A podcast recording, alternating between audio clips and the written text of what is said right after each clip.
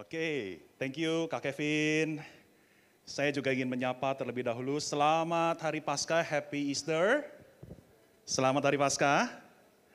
Ya, karena walaupun Minggu Paskahnya sudah lewat, tetapi sebetulnya kita masih berada di dalam masa yang di, yang dikenal dengan masa Raya Paskah, ya atau Easter Tide.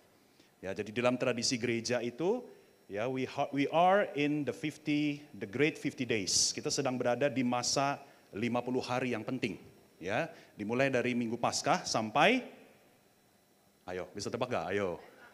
Yes, betul sekali. Ya, hari Pentakosta atau hari turunnya Roh Kudus ya di dalam gereja perjanjian baru. Iya, saudara-saudara jadi sekali lagi kita bersyukur ya teman-teman kita bersyukur karena di dalam uh, minggu-minggu yang akan datang ya seperti yang saya sudah diinfokan juga oleh Kak Kevin bahwa kita akan belajar tentang makna, kita akan belajar tentang pesan, kita akan belajar juga tentang berkat-berkat yang Tuhan hadirkan melalui bukan hanya kematiannya tetapi juga kebangkitannya.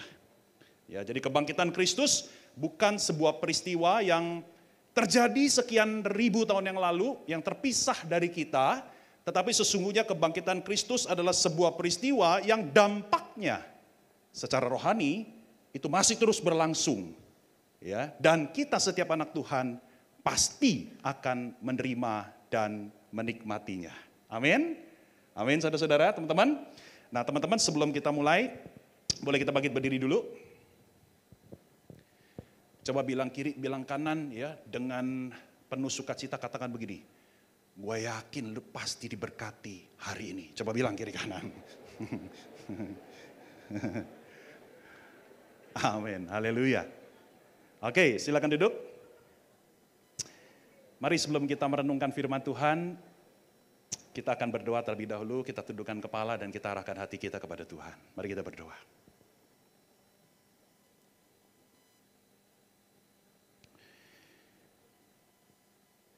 Kisah cinta terbesar di dunia ini bukanlah antara Sampek dan Engtai. Juga bukan antara Jack dan Rose dalam film Titanic. Juga bukan antara Dylan dan Milea juga bukan antara Romeo dan Juliet. Cinta terbesar dan teragung, kisah cinta terbesar dan teragung di dunia ini, di seluruh sejarah, adalah kisah cinta antara Engkau ya Tuhan dengan kami orang-orang berdosa. Engkau yang begitu sempurna, dan Engkau yang mengenal kami begitu dalam dengan segala kebobrokan dan kebodohan kami. Tetapi Engkau tetap memilih untuk mengasihi kami habis-habisan dan sampai selama-lamanya. Thank you Jesus for your great, great love. Terima kasih Tuhan untuk kasihmu yang akbar itu.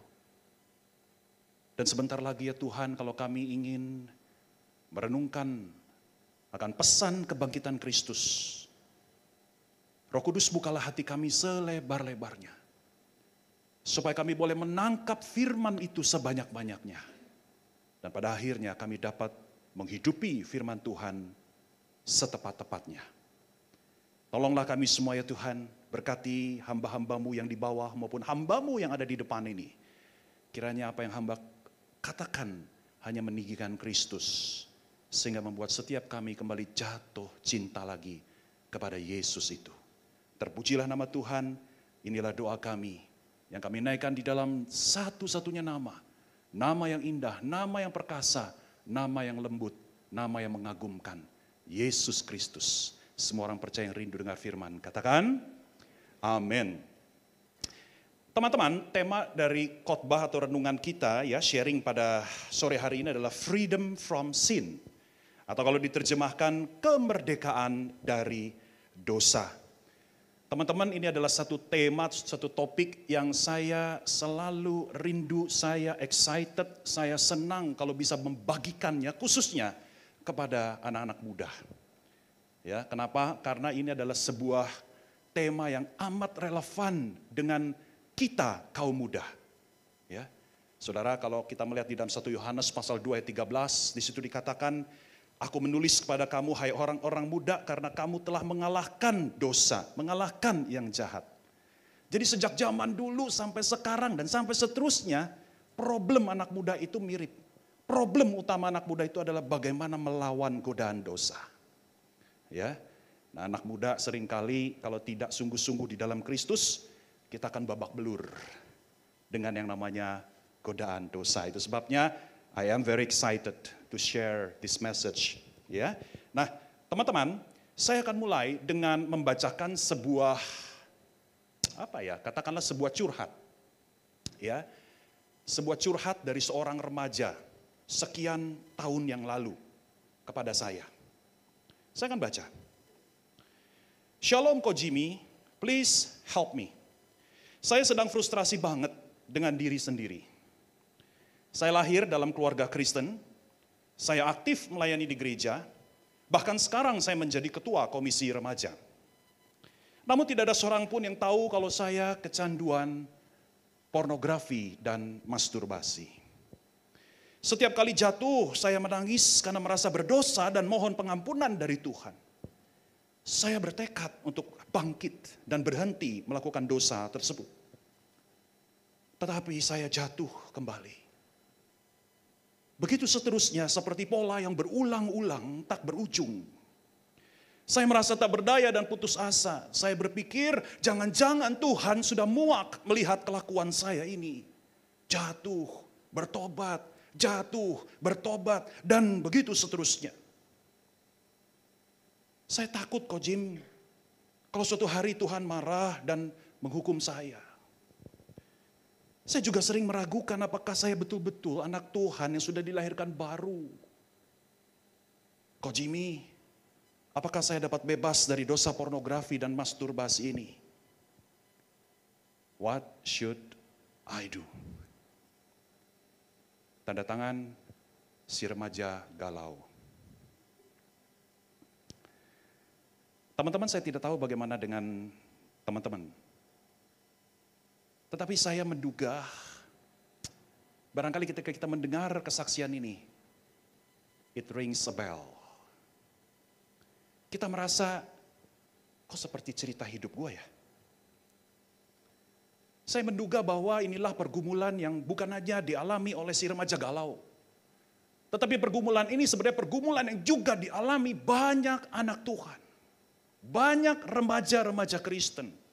Banyak dari antara kita. Ya dosanya bisa jadi bukan hanya pornografi, masturbasi, bisa dosa yang lain, kecanduan medsos, amarah yang tidak terkendali, suka ngegosip, belanja tidak terkontrol, dan sebagainya, dan sebagainya. Nah teman-teman, di sinilah kita akan melihat satu kutipan ya dari Warren Wiersbe yang mengatakan begini. Ini udah hidup belum ya? Oh udah ya, oke. Banyak orang Kristen, ya. Banyak orang Kristen, ini mesti pencet, oh nggak usah. Banyak orang Kristen setengah jadi. Nah ini saya terjemahkan secara bebas, karena bahasa Inggrisnya sebetulnya betweeners. Saya nggak tahu apa yang lebih tepat ya menerjemahkannya. Mereka hidup antara Jumat Agung dan Minggu Paskah. Mereka percaya pada pengorbanan Yesus di salib, tetapi tidak mengalami kuasa kebangkitannya dalam kehidupan mereka setiap hari. Teman-teman, waktu saya membaca kutipan ini, saya kaget dan tertegun. Dalam hati saya berkata, benar. Jangan-jangan memang banyak anak-anak Tuhan seperti ini. Di satu, di satu sisi kita yakin, kita percaya, bahkan kita bisa menguraikan dengan begitu uh, indah. Mengapa Yesus mati di atas kayu salib? Tetapi dalam kehidupan sehari-hari kita tidak mengalami kuasa kebangkitan itu. Kita masih terus jatuh, bangun, jatuh, bangun, jatuh, jatuh, jatuh, bangun, jatuh, jatuh, jatuh. Lebih banyak jatuhnya soalnya. Di dalam dosa. Saudara-saudara, apa pun yang setengah jadi, itu biasanya nggak enak. Kecuali steak, telur setengah matang, dan tahu ketoprak. Tetapi yang lain-lainnya setengah jadi itu nggak enak. Teman-teman waktu saya masih remaja ya, ya seusia teman-teman ya. Saya pernah pulang sekolah, masuk rumah, mencium bau wangi kue. Ya, itu mentegaknya, bau mentegaknya, uh sangat menggiurkan. Ya, Lalu saya masuk ke dapur, ternyata mami saya sedang di sini ada mami saya ya, jadi saya ngaku dosa juga nih di depan mami saya ya. ya. Mami saya lagi uh, uh, apa lagi uh, memanggang kue, lagi bikin kue di oven, ya. Nah kemudian saya uh, lihat kiri kanan, eh mami saya ternyata lagi nggak ada di dapur, ya. Lalu ada bisikan setan yang menyuruh saya untuk mencoba kue itu. Ya, lalu saya memberanikan diri, saya buka ovennya dengan jari saya, saya colek kue yang sudah mengembang, yang sudah gemuk, yang sudah wangi, merekah begitu. Ya, saya colek dengan jari saya, teman-teman. Lalu saya masukkan ke mulut. Ternyata masih setengah mateng, masih lembek, masih nggak enak, masih terasa adonan kue. Ya. Nah teman-teman, jangan-jangan banyak orang Kristen yang seperti ini setengah mateng. Kelihatannya dari luar oke-oke aja. Kelihatannya dari luar rajin ke gereja, ikut komsel, bahkan jadi PKS. Di depan bernyanyi dengan penuh antusias, jadi singer, jadi WL. Kelihatannya dari luar. Tetapi dalam kesehariannya sungguhkah kita sudah mengalami kuasa kebangkitan Kristus khususnya yang memungkinkan kita, memampukan kita untuk boleh menang atas dosa setiap hari. Nah teman-teman mari kita baca firman Tuhan yang akan menjadi landasan dari renungan kita ya. Itu dari Roma pasal 6. Ya, saya undang kita membaca Roma pasal 6 keseluruhan ayatnya. Saya akan baca mulai dari ayat yang pertama, kemudian saya undang teman-teman baca ayat kedua, begitu seterusnya saya ganjil, teman-teman genap. Mari kita simak firman Tuhan. Jika demikian apakah yang hendak kita katakan? Bolehkah kita bertekun dalam dosa supaya semakin bertambah kasih karunia itu?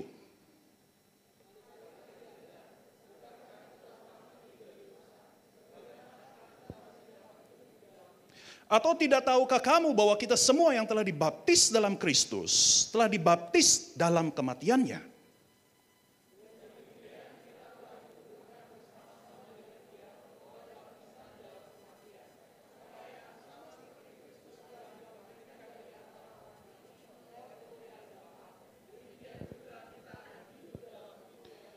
Sebab jika kita telah menjadi satu dengan apa yang sama dengan kematiannya, kita juga akan menjadi satu dengan apa yang sama dengan kebangkitannya.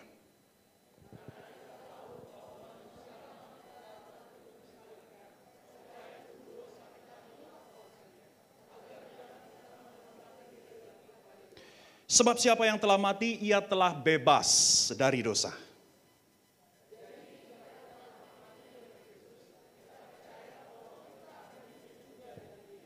Karena kita tahu bahwa Kristus sesudah ia bangkit dari antara orang mati, tidak mati lagi, mau tidak berkuasa lagi atas dia.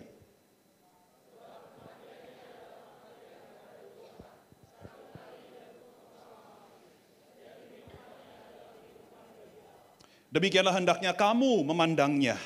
Bahwa kamu, Jimmy Setiawan, telah mati bagi dosa, tetapi Jimmy Setiawan hidup bagi Allah dalam Kristus Yesus.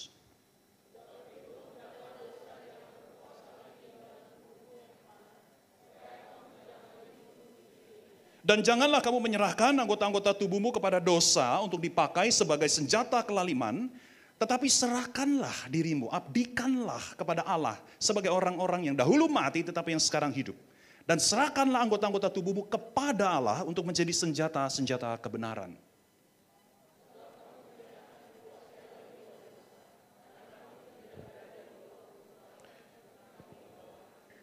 Jadi bagaimana? Apakah kita akan berbuat dosa karena kita tidak berada di bawah hukum Taurat tetapi di bawah kasih karunia? Sekali-kali tidak.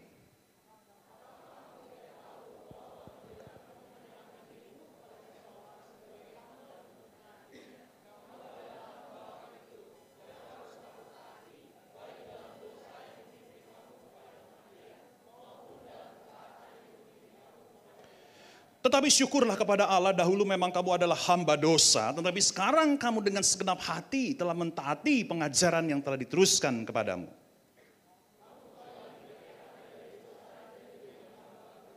Aku mengatakan hal ini secara manusia karena kelemahan kamu. Sebab sama seperti kamu telah menyerahkan anggota-anggota tubuhmu menjadi hamba kecemaran dan kedurhakaan yang membawa kamu kepada kedurhakaan, demikian hal kamu sekarang harus menyerahkan anggota-anggota tubuhmu menjadi hamba kebenaran yang membawa kamu kepada pengudusan.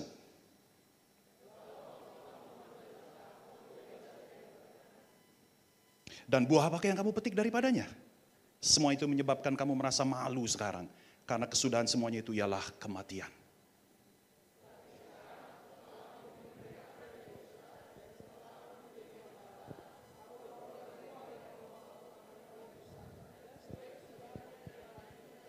Sebab upah dosa ialah maut, tetapi karunia Allah ialah hidup yang kekal dalam Kristus Yesus, Tuhan kita. Teman-teman tetap buka Alkitabmu pada bagian ini karena renungan kita berdasarkan nats yang baru saja kita simak.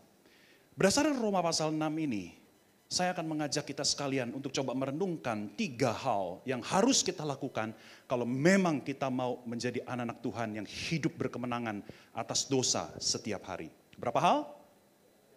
Tiga hal. Mari kita segera masuk yang pertama. Yang pertama, dalam rangka supaya kita bisa menang atas kuasa dosa setiap hari. Maka yang pertama sesederhana tetapi sepenting, ketahuilah bahwa kita sudah dibebaskan dari dosa oleh Allah. Sama-sama katakan ketahuilah. Teman-teman inilah hal pertama yang harus kita betul-betul lakukan. Bahwa kita harus tahu. Kita harus tahu, tahu tentang apa? Bahwa Allah sudah membebaskan kita dari kuasa dosa. Teman-teman tahu itu penting, setuju nggak? Setuju? Kalau kita nggak tahu yang benar atau kita tahu yang salah, tetapi kita nggak tahu itu salah, itu akan membuat kita sering kali melangkah salah. Atau kita malah membuat keputusan-keputusan yang blunder atau keliru. Tahu itu penting. Tahun 1982, penduduk Pulau Guam dikejutkan oleh kemunculan seorang serdadu Jepang dari dalam hutan. Mengapa mengejutkan? Karena prajurit Jepang ini ternyata sudah hidup di dalam hutan selama 37 tahun. Sejak zaman Perang Dunia Kedua sampai tahun 1982. Nah mengapa dia ada di dalam hutan selama 37 tahun?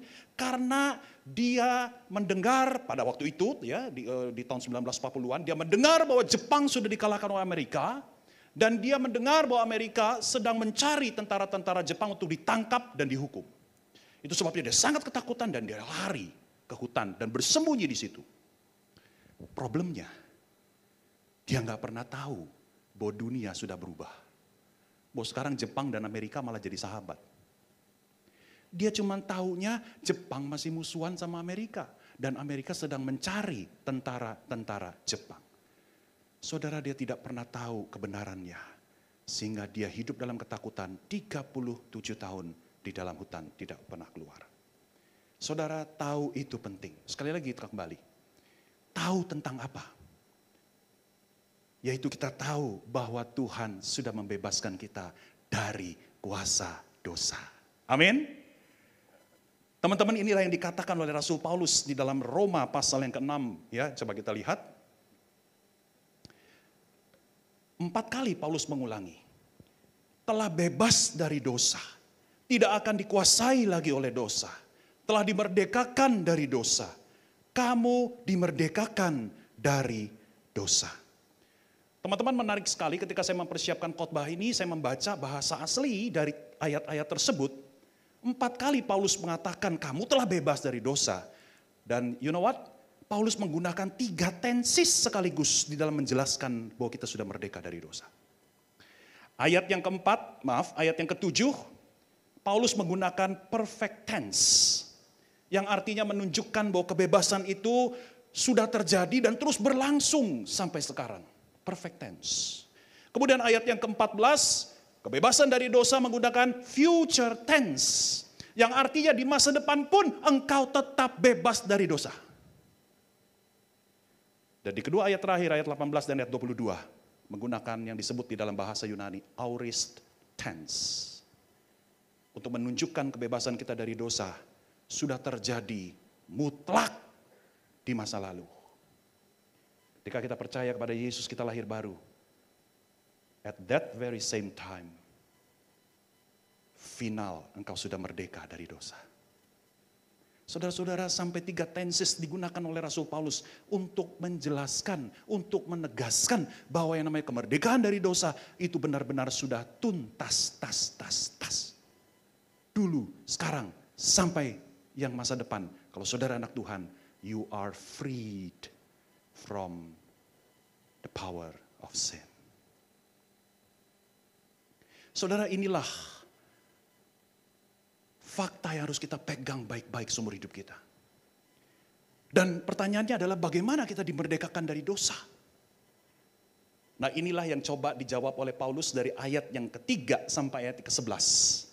Nanti teman-teman bisa baca lagi di rumah, bisa renungkan lagi, tetapi singkatnya saya mau mengatakan Paulus sedang membangun sebuah argumen. Argumennya sederhana, begini. Paulus berkata bahwa kita ini sudah menjadi satu dengan Kristus. Menjadi satu dalam hal apa? Tentu secara spiritual. Menjadi satu dalam hal apa? Menjadi satu di dalam kematiannya dan menjadi satu di dalam kebangkitannya. Maka dengan logika yang sama Paulus ingin mengatakan ketika Yesus memperoleh sesuatu dari kematiannya, Yesus memperoleh sesuatu dari kebangkitannya, kita pun akan memperoleh hal-hal itu. Itu maksudnya. Gampang bayanginnya, kayak suami istri yang punya rekeningan punya rekening gabungan. Ye, yeah, ngerti nggak? Jadi suaminya nyetor, istrinya juga bisa nikmatin karena rekening gabungan. Ngerti ya? Saudara kita dan Yesus punya rekening gabungan. Jadi apa yang Yesus dapat melalui kematiannya kita pun dapat. Apa yang Yesus dapat melalui kebangkitannya kita pun dapat. That's why di dalam surat Roma dikatakan kita lebih dari pemenang. Dulu waktu saya remaja saya bingung kenapa dikatakan lebih daripada pemenang. Soalnya di dalam lomba biasanya cuma ada dua, dua kategori. Yang menang sama yang kalah, betul nggak? Kenapa sekarang ada kategori ketiga, lebih dari pemenang? Pernah nggak teman-teman mikirin kenapa lebih dari pemenang? Kita sering nyanyi itu ada lagunya kan? Tapi ngerti nggak apa yang dimaksud lebih dari pemenang? Nih saya jelasin. Lebih dari pemenang itu artinya gini, Yesus yang babak belur, Yesus yang berjuang, Yesus yang bertanding, sekarang dia menang, kemenangannya dibagi ke kita. Itu namanya lebih dari pemenang. Bukan kita yang ikut perlombaan, Yesus yang berlomba demi kita. Yesus yang berlomba mewakili kita. Melalui kematian dan kebangkitannya, kita mendapatkan banyak sekali rahmat dan berkat yang luar biasa dari Tuhan. Amin. Nah, teman-teman, puncak dari argumen Paulus itu ada di dalam ayat 10 sampai ayat yang ke-11. Ya, saya bacakan sekali lagi. Ketika Kristus mati, dia mati untuk mengalahkan kuasa dosa. Selama-lamanya. Sekarang dia hidup bagi kemuliaan Allah. Oke, jadi ini yang Tuhan Yesus dapat melalui kematian dan kebangkitan. Nah sekarang kita loncat ke ayat 11, ini menarik. Demikian pula kamu harus memandang dirimu supaya sudah terlepas dari kuasa dosa. Jadi ketika Yesus mati dia mengalahkan kuasa dosa, artinya aku pun sekarang terlepas dari kuasa dosa. Amin. Ketika Kristus bangkit, Artinya ini menunjukkan Kristus hidup bagi kendak Allah. Maka sekarang kita pun yang sudah menjadi satu dengan Kristus, kita memiliki kuasa untuk bisa hidup bagi Tuhan. Itu dia. Nah, teman-teman, kalau kita bicara kemerdekaan dari dosa, maka paling gampang kita bandingkan dengan kehidupan kita sebelum jadi anak Tuhan. Paling gampang, supaya bisa kelihatan kontrasnya. Jadi waktu kita belum jadi anak Tuhan, ya, hidup di luar Kristus, dosa itu berkuasa penuh atas kita. Dan kita tidak bisa untuk tidak berdosa. Itu nasib kita tuh, suwe banget ya dulu ya. ya. Itu dulu kita begitu. Dosa berkuasa penuh atas kita dan kita nggak berdaya untuk lepas dari dosa. Kita nggak bisa enggak berbuat dosa. Uh, Uh, tentu saja yang saya maksud dosa di sini adalah dosa yang sengaja kita lakukan. Oke? Okay? Dosa yang sengaja kita lakukan yang memang kita putuskan untuk kita lakukan. Ya, konteksnya itu. Nah, tetapi ketika kita sudah jadi anak Tuhan, kita sudah dilahirkan baru, hidup di dalam Kristus. Dosa tidak lagi berkuasa, powerless atas kita. Kecuali kita main-main lagi sama dosa kita meladeni godaan dosa. Kalau itu yang terjadi, kita akan kembali dikuasai oleh dosa. Tapi sebetulnya dosa sudah tidak punya kuasa. Kita bisa menolak godaan dosa. Kita bisa tidak berdosa. Ilustrasinya gampangnya begini, teman-teman. Bayangin dosa itu seperti seekor singa yang buas dan kuat. Dulu sebelum kita terima Tuhan, singanya itu lepas, liar. Kita itu dicengkrem sama singa, diterkam sama singa, kita nggak berdaya, nggak bisa nolong, nggak bisa lepas. Kenapa? Singanya lebih kuat dari kita. Ya kan? Taringnya, kukunya menancap kuat di tubuh kita, kita nggak bisa bergerak. Itu dulu. Tapi sekarang ketika kita jadi anak Tuhan, apa yang terjadi dengan si singa? Si singa dimasukin ke kandang. Kandang yang kuat. Singa itu walaupun gimana perkasanya dia nggak bisa nyerang kita lagi. Kenapa? Karena sudah di dalam kan kandang. Kita kitanya di luar kandang, dia di dalam kandang. Tapi gobloknya orang Kristen, kalau saya boleh ngomong jujur dan belak-belakan, Gobloknya orang Kristen, dia ngelihat singa, dia kangen sama singanya. Ja, aduh ini singa yang dulu pelok gua nih. Guanya, kayaknya gua kangen sama pelokan, pelokan hangat si singa. Lalu apa yang terjadi? Dia masuk ke dalam kandang. Gak perlu IQ tinggi untuk menebak apa yang terjadi sesudah itu. Ketika seseorang dengan goblok yang masuk ke dalam kandang singa lagi, apa yang terjadi? diterkam lagi. Coba sekarang teman-teman bilang kiri, bilang kanan. Kamu bukan orang yang goblok itu kan? Coba bilang. ya. ya. Poin yang kedua kita lihat. Yuk, kita lihat ya. Teman-teman bukan hanya kita harus mengetahui bahwa kita sudah merdeka dari dosa. Oke, okay? Kita sudah merdeka dari dosa. Gak peduli perasaan kita apa sekarang, faktanya kita sudah merdeka dari dosa. Udah gitu aja. Ya, it is not about your feeling, it is about the fact. Yang kedua, hidupilah jati diri kita yang sekarang sebagai anak Allah. Hidupilah jati diri kita sebagai seorang anak Allah. Nah, teman-teman, kita bukan hanya dibebaskan dari kuasa dosa, more than that, we are adopted as God's children. Kita diangkat menjadi anak-anak Bapak Sur, Bapak Surgawi. Teman-teman kita ini sudah punya jati diri yang baru sejak lahir baru, yaitu kita adalah anak Bapak Sur, bukan Bapak Surya ya, Bapak Sur Gawi. Ya, coba bilang kiri, bilang kanan. Jelek-jelek begini kamu anak Tuhan. Coba bilang ya teman-teman ya. ya. Kayaknya lebih senang bilang jelek-jeleknya deh ya. Nah, teman-teman, kita itu sudah menjadi anak Tuhan. Itu sebabnya kita harus menghidupi jati diri ini. Ya, ini dikatakan di dalam uh, uh, pasal 6 ayat yang ke-11. Coba kita lihat. Demikianlah pula kamu harus memandang dirimu. Nah ini memang diterjemahkannya memandang, tetapi di dalam bahasa aslinya itu adalah logisomai. Ya logisomai itu saya baca di dalam eh, satu buku ya, karangan James uh, Boyce ya. Dia menerjemahkan logisomai itu adalah act upon a fact. Bertingkah laku berperilaku bersikap sesuai dengan faktanya. Ini menarik jadi saudara-saudara kalau kita sudah jadi anak Tuhan kita harus bersikap seperti status kita itu maksudnya Bayangkan ada seorang yang sangat miskin, gak punya apa-apa, untuk makan aja susah, gak punya rumah, pokoknya miskin semiskin-miskinnya. Suatu hari dia dapat rezeki nomplok. Ada orang yang kasih warisan ke dia, jumlah uang dengan jumlah yang banyak. Oke? Jadi dari orang miskin, sekarang dia berubah status. Dia sekarang menjadi orang yang kaya raya. Oke? Jati dirinya sekarang baru nih. Dia jadi orang kaya. Tidak lagi jadi orang miskin. Tetapi bayangkan teman-teman, kalau dia udah jadi orang kaya, tetapi dia masih mengais-ngais sampah untuk mendapatkan makanan, dia masih tinggal di kolong jembatan, dia masih kagak mandi berminggu-minggu, dia nggak pernah ganti bajunya yang compang-camping, dia tidak logisomai statusnya yang baru sebagai orang kaya. Teman-teman ngerti? Dia tidak hidup selaras dengan jati diri yang baru itu. Nah kita sebagai anak Tuhan kita juga harus logisomai dong dengan status kita bahwa kita sudah jadi anak Bapak. Amin. Jangan kita udah jadi anak Bapak tapi kita masih apa? Suka ngegosip, suka ngebohong, suka ngelihat yang kagak bener. Kalau ngutang nggak pernah bayar.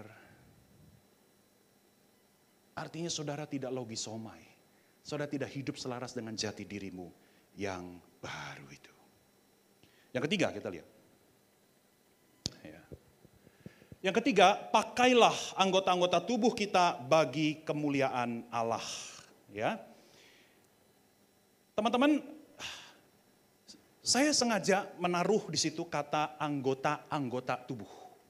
Jadi saya tidak memakai istilah yang generik, ya, pakailah hidupmu gitu ya, walaupun itu benar juga. Tetapi saya sengaja memakai kata yang spesifik, pakailah anggota-anggota tubuhmu. Nah tentu ini bukan buah pemikiran saya sendiri, tetapi berdasarkan ayat 13 dan 19. Kita lihat slide berikutnya. Ya, Karena Paulus sendiri yang mengatakan, dan serahkanlah anggota-anggota tubuhmu kepada Allah untuk menjadi senjata-senjata kebenaran. Kamu sekarang harus menyerahkan anggota-anggota tubuhmu menjadi hamba kebenaran yang membawa kamu kepada pengudusan. Teman-teman terjemahan Indonesia tidak salah, karena memang itu seperti di dalam bahasa aslinya. Ya. Bahkan di dalam bahasa Inggris bisa diterjemahkan sebagai limbs. Limbs tahu ya? Tungkai, kaki, tangan. Jadi ini bukan anggota tubuh yang di dalam perut ya, jeroan ya, paru, limpa, usus, enggak, bukan itu. ya. Tetapi yang dimaksud oleh Paulus ini anggota tubuh yang kelihatan ya, tangan kita, eh, kaki kita, telinga, mata, mulut, eh, alat reproduksi kita, ya, itu adalah anggota-anggota tubuh kita. Nah, teman-teman, waktu saya membaca ini saya sempat berpikir, kenapa ya Paulus menggunakan istilah anggota-anggota tubuh? Kenapa Paulus tidak mengatakan serahkanlah dirimu gitu ya? Kenapa nggak pakai yang generik gitu? Kenapa Paulus menggunakan yang spesifik anggota-anggota tubuhmu? Teman-teman, hasil perenungan saya, saya menemukan betapa briliannya uh, Rasul Paulus dan firman Tuhan. Karena begini logikanya, dengar baik-baik. Karena sebagaimana kita juga jatuh dalam dosa dan melakukan dosa melalui anggota-anggota tubuh kita. Maka sekarang Paulus mengatakan, engkau juga harus menguduskan semua anggota-anggota tubuhmu. Tidak lagi untuk melayani dosa, tetapi untuk melayani Tuhan. Kalau dulu engkau pakai matamu untuk melihat yang kagak bener, kagak bener, yang nggak pernah pakai benang, eh nggak pernah pakai baju sebenang pun gitu ya. Sekarang kau harus pakai matamu untuk hal-hal yang membuat engkau bisa mengucap syukur kepada Tuhan. Kalau dulu engkau pakai telingamu untuk menikmati gosip-gosip, sekarang kau harus memakai telingamu untuk mendengar hal-hal yang baik dari Tuhan. Kalau dulu engkau memakai tanganmu untuk melakukan masturbasi, sekarang kau harus persembahkan tanganmu ini, tangan yang sama. Untuk berkarya bagi Tuhan, dunia, dan sesama. Amin. Kalau dulu engkau pakai kakimu untuk melangkah ke tempat-tempat yang kagak benar, sekarang pakailah kakimu untuk melangkah ke tempat-tempat di mana Tuhan utus engkau untuk melayani. Amin. Teman-teman kita harus memakai anggota-anggota tubuh kita. Nah teman-teman sedikit saya ingin menambahkan. Di sinilah kita bicara apa yang disebut dengan disiplin rohani, spiritual disciplines. Jadi praktis. Teman-teman sadar nggak istilah disiplin rohani sebetulnya bukan berarti hanya semata-mata ya hal-hal yang rohani, enggak. Disiplin rohani itu sebetulnya melibatkan anggota tubuh kita. Baca Alkitab, berdoa, berpuasa, dan sebagainya. Semua itu adalah anggota tubuh. Nah kalau kita bicara tentang disiplin, saudara, kita harus mendisiplin anggota tubuh kita. Ya. Sebetulnya sederhana. Teman-teman saya kasih praktisnya ya. Kalau kita mau menang atas dosa, kita harus disiplin anggota tubuh kita. Panca indera kita. Sesederhana, know your weakness, avoid the temptation. Coba ulangin. Know your weakness, satu, dua, tiga. Ganti know my weakness, tiga, empat. Know my weakness, avoid temptation. Teman-teman kalau kita tahu kenal kelemahan kita, misalnya ya, kelemahan kita adalah di mata. Ya, gak bisa ngelihat-ngelihat yang sensual-sensual. Kalau kita udah tahu itu kelemahan kita, maka kita harus jaga mata kita ekstra hati-hati. Ngerti gak? Dan kita harus avoid temptation. Ya. Jangan merasa kuat. Jangan merasa aman. Teman-teman harus seumur hidup jaga mata. Jangan ngelihat yang sensual-sensual di film, ya, di Netflix dan segala macam itu. Majalah-majalah, mesti bedain majalah yang aman dengan majalah yang gak aman. Majalah kosmopolitan menurut saya agak kurang aman. Karena sering kali masih ada yang sensual-sensualnya. Nah kayak gitu-gitu teman-teman mesti tahu, mesti sadar. Kalau itu memang kelemahan kita, kalau memang itu adalah tumit Achilles kita. Kalau kelemahan kita adalah belanja kagak terkontrol, maka avoid temptation dengan cara apa? Jangan pernah pakai kartu kredit. Sorry ya yang kerja di bank. Beneran ini. Kalau kita nggak bisa mengontrol kita belanja, kita apa itu istilahnya tuh? Shop, shopaholic ya, itu ada dulu filmnya ya. Jangan pakai kartu kredit. Pulang gunting tuh kartu kredit. Beneran. Eh, saya sering mendapatkan uh, apa mendengar langsung cerita orang-orang yang datang ke saya, "Kok Jim, doain saya ya." Kenapa? Padahal ini orang baik-baik, ya pelayan Tuhan yang setia, pelayan Tuhan yang rajin, ya orangnya baik. Dia bilang apa? Soalnya saya terjerat utang kartu kredit. Memang kartu kredit itu berapa? 15. Emang hutangnya berapa? 300 juta. Padahal gaji tiap bulan cuma 7 juta. Kapan lo mau lunasinnya? Hati-hati orang Kristen banyak yang terjerat dalam hutang kartu kredit. Bukan salah kartu kreditnya. Kitanya yang nggak tahu kelemahan kita. Kalau lu aman ngatur uang, gak masalah punya kartu kredit 10. Gak masalah tuh kayak koko saya tuh, jago mengatur uang. Dia punya kartu kredit mau 20 juga gak apa-apa. Ya. Nah, teman-teman, saya akan tutup ya renungan ini, sharing ini dengan dua pertanyaan praktis. Oke, kita ulangin dulu deh, kita ulangin dulu. Jadi ada tiga hal, apa saja tadi? Yang pertama, ketahuilah bahwa kita sudah dibebaskan dari dari dosa ya, bukan hanya dari hukuman dosa. Kalau hukuman dosanya bicara masa depan, tapi juga dari kuasa dosa artinya yang sekarang. Kita bisa hidup hari lepas hari, menang atas kuasa dosa. Yang kedua apa tadi? Hendaklah kita menghidupi jati diri kita sekarang yang sudah jadi anak Tuhan. Coba sini siapa yang sudah jadi anak Tuhan dengan bangga angkat tangan yang tinggi. Yang kagak angkat tangan anak setan. Kan cuma dua alternatif. Hidupi jati dirimu. Ya. Yang ketiga apa tadi barusan? Pakailah, persembahkanlah anggota-anggota tubuhmu, matamu, telingamu, organ intimmu, mulutmu, tanganmu, kakimu bagi kerajaan Allah. Amin. Do these things and you will win the sin every day. Over the sin every day. Teman-teman, masih ingat cerita si remaja galau yang tadi saya ungkapkan di awal khotbah? That's me. Itu saya. Itu saya. Dulu saya begitu. Tetapi setelah saya tahu kebenaran ini, now I, I do those three things. Saya bisa hidup berkemenangan tiap hari. Amin. Teman-teman saya akan tutup dengan dua practical questions. Yang saya duga ini pertanyaan yang juga mungkin menggelayuti pikiran banyak teman-teman. Ya, Yang pertama, apakah apa ini? Kok nggak kebaca? Apakah saya boleh sesekali melakukan dosa? Jujur, teman-teman pernah berpikir ini nggak? Apakah sesekali saya boleh nggak lakukan dosa? Saya kan udah sober sekian lama nih, ya sesekali bolehlah gitu ya. Mungkin di kepala kita banyak suara yang berkata, ya satu kali nggak apa-apa lah udah lama, ya kan. Allah penuh anugerah kok. Ah daripada jatuh dalam dosa lebih berat nggak apa-apa lah. Kekristenan kan tidak legalistik. Coba bilang kiri, bilang kanan. lu mau ditengkrem sama singa lagi, coba bilang teman-teman. ya. Itu sama halnya dengan kita berkata, boleh nggak sesekali saya masuk kandang itu lagi gitu. Ya.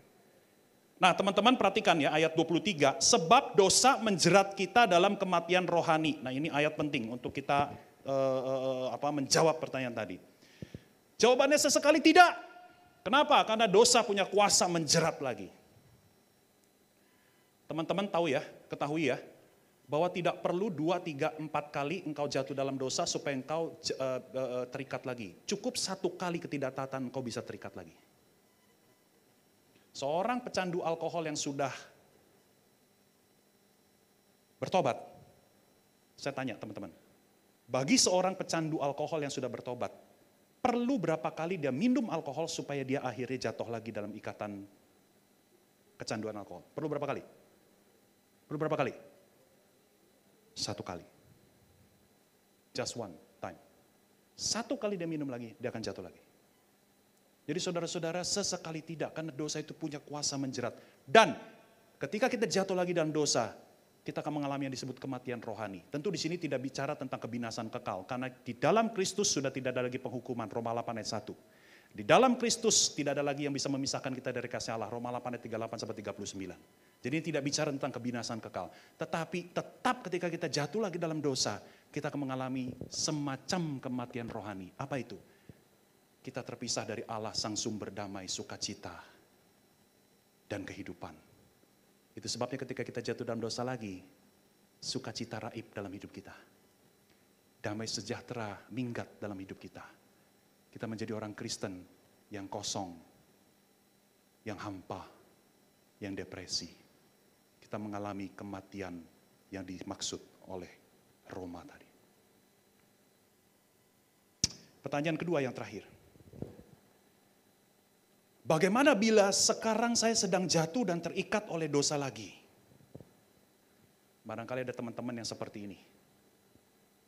Dan teman-teman malu mengatakan itu. Maka izinkan saya menjawabnya untuk teman-teman. Teman-teman jangan lupa, faktanya kita sudah bebas dari kuasa dosa. Amin. Amin. Maka kalau teman-teman sekarang lagi sedang terikat lagi sedang jatuh lagi dalam dosa. Ingat, kuasa dosa sebetulnya sudah tidak lagi di dalam diri, uh, sudah tidak lagi berdaya di dalam hidup kita. Maka, dengar kabar baiknya. Cukup teman-teman hari ini mengambil keputusan, Tuhan aku mau taat lagi kepadamu. Dan kau akan mengalami kebebasan lagi. Ya, sesederhana itu.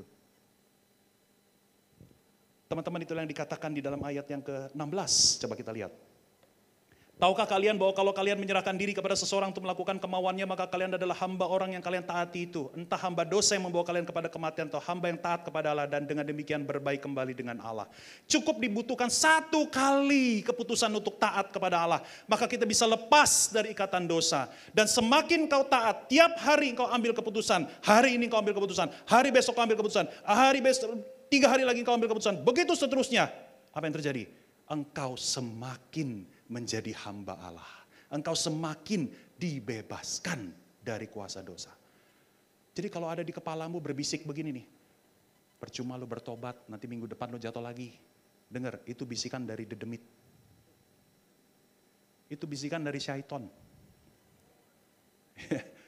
ya, karena firman Tuhan mengatakan no, no, lu taat hari ini ambil keputusan. Besok lu taat lagi. Semakin lu taat, semakin lu akan bebas dan merasakan lepas dari kuasa dosa. Teman-teman, di penghujung khotbah saya, saya persilakan worship team siap-siap maju ke depan. Saya ingin menceritakan sebuah film, ya. Sebuah film lama tahun 1999, produksi Amerika, film yang berjudul Three Seasons. Film ini settingnya di Hanoi, ya di Hanoi di Vietnam, ya pasca perang bersaudara antara Vietnam Utara dan Vietnam Selatan. Kabar baiknya film ini ada di YouTube, versi lengkap. Jadi kalau teman-teman penasaran mau nonton silahkan ada di YouTube, ya.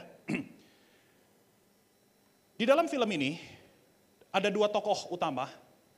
Seorang wanita berprofesi sebagai pelacur bernama Lan dan seorang penarik becak pria bernama Hai. Tiap malam Hai mengantar Lan dari kontrakannya ke tempat Lan bekerja bertemu dengan para klien.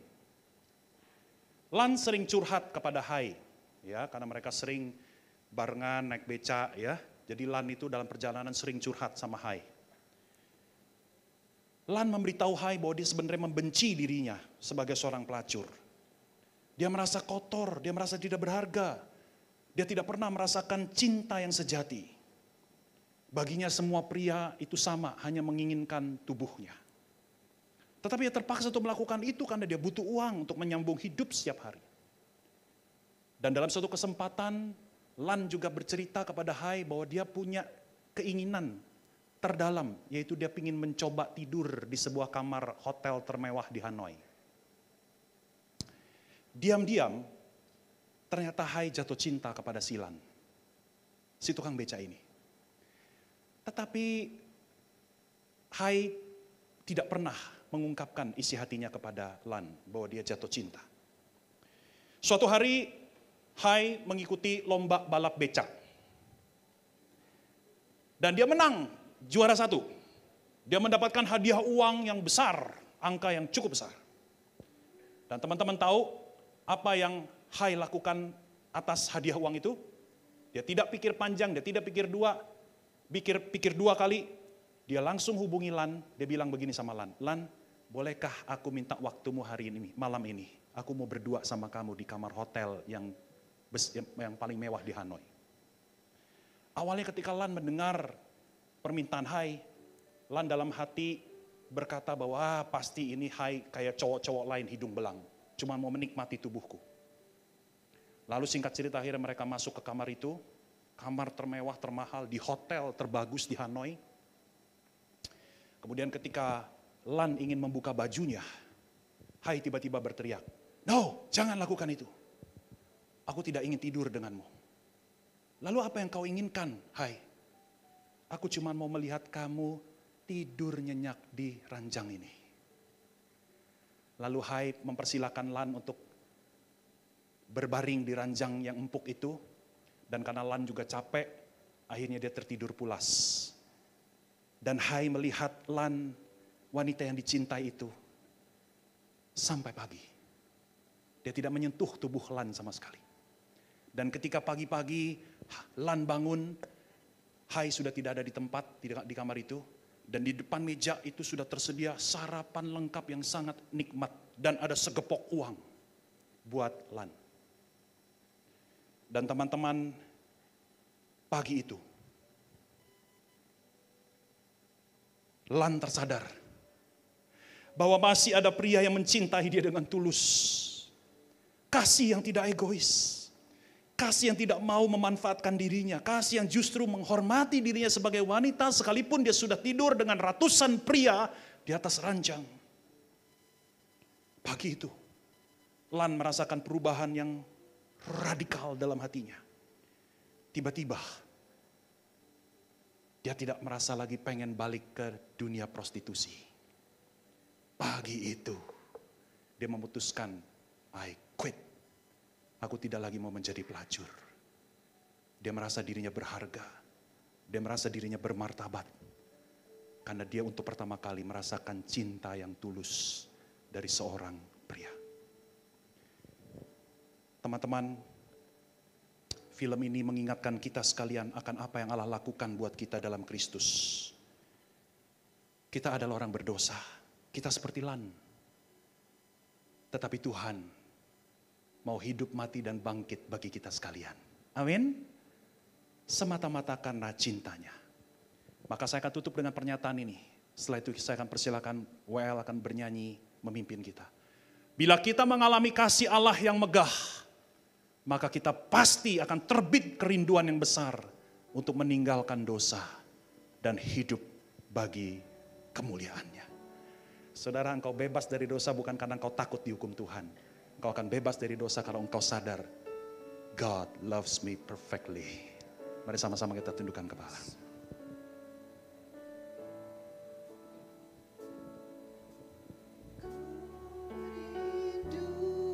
Setiap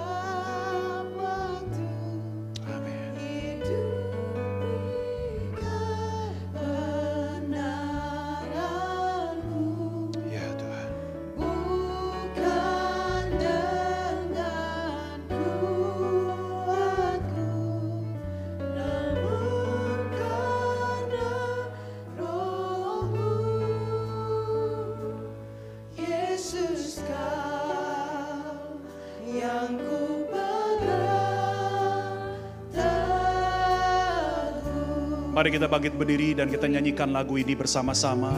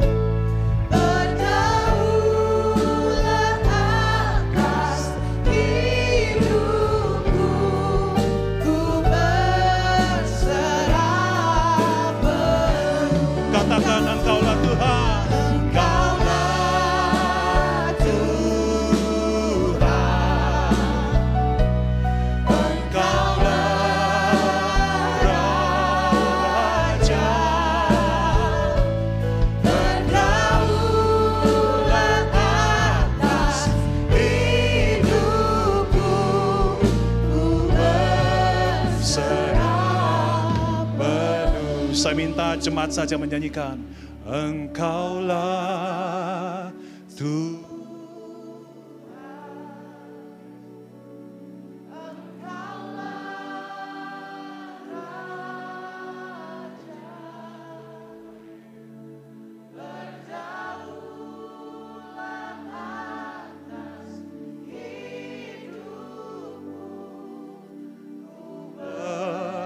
Berserah penuh. Sekali lagi dengan lebih sungguh katakan Engkaulah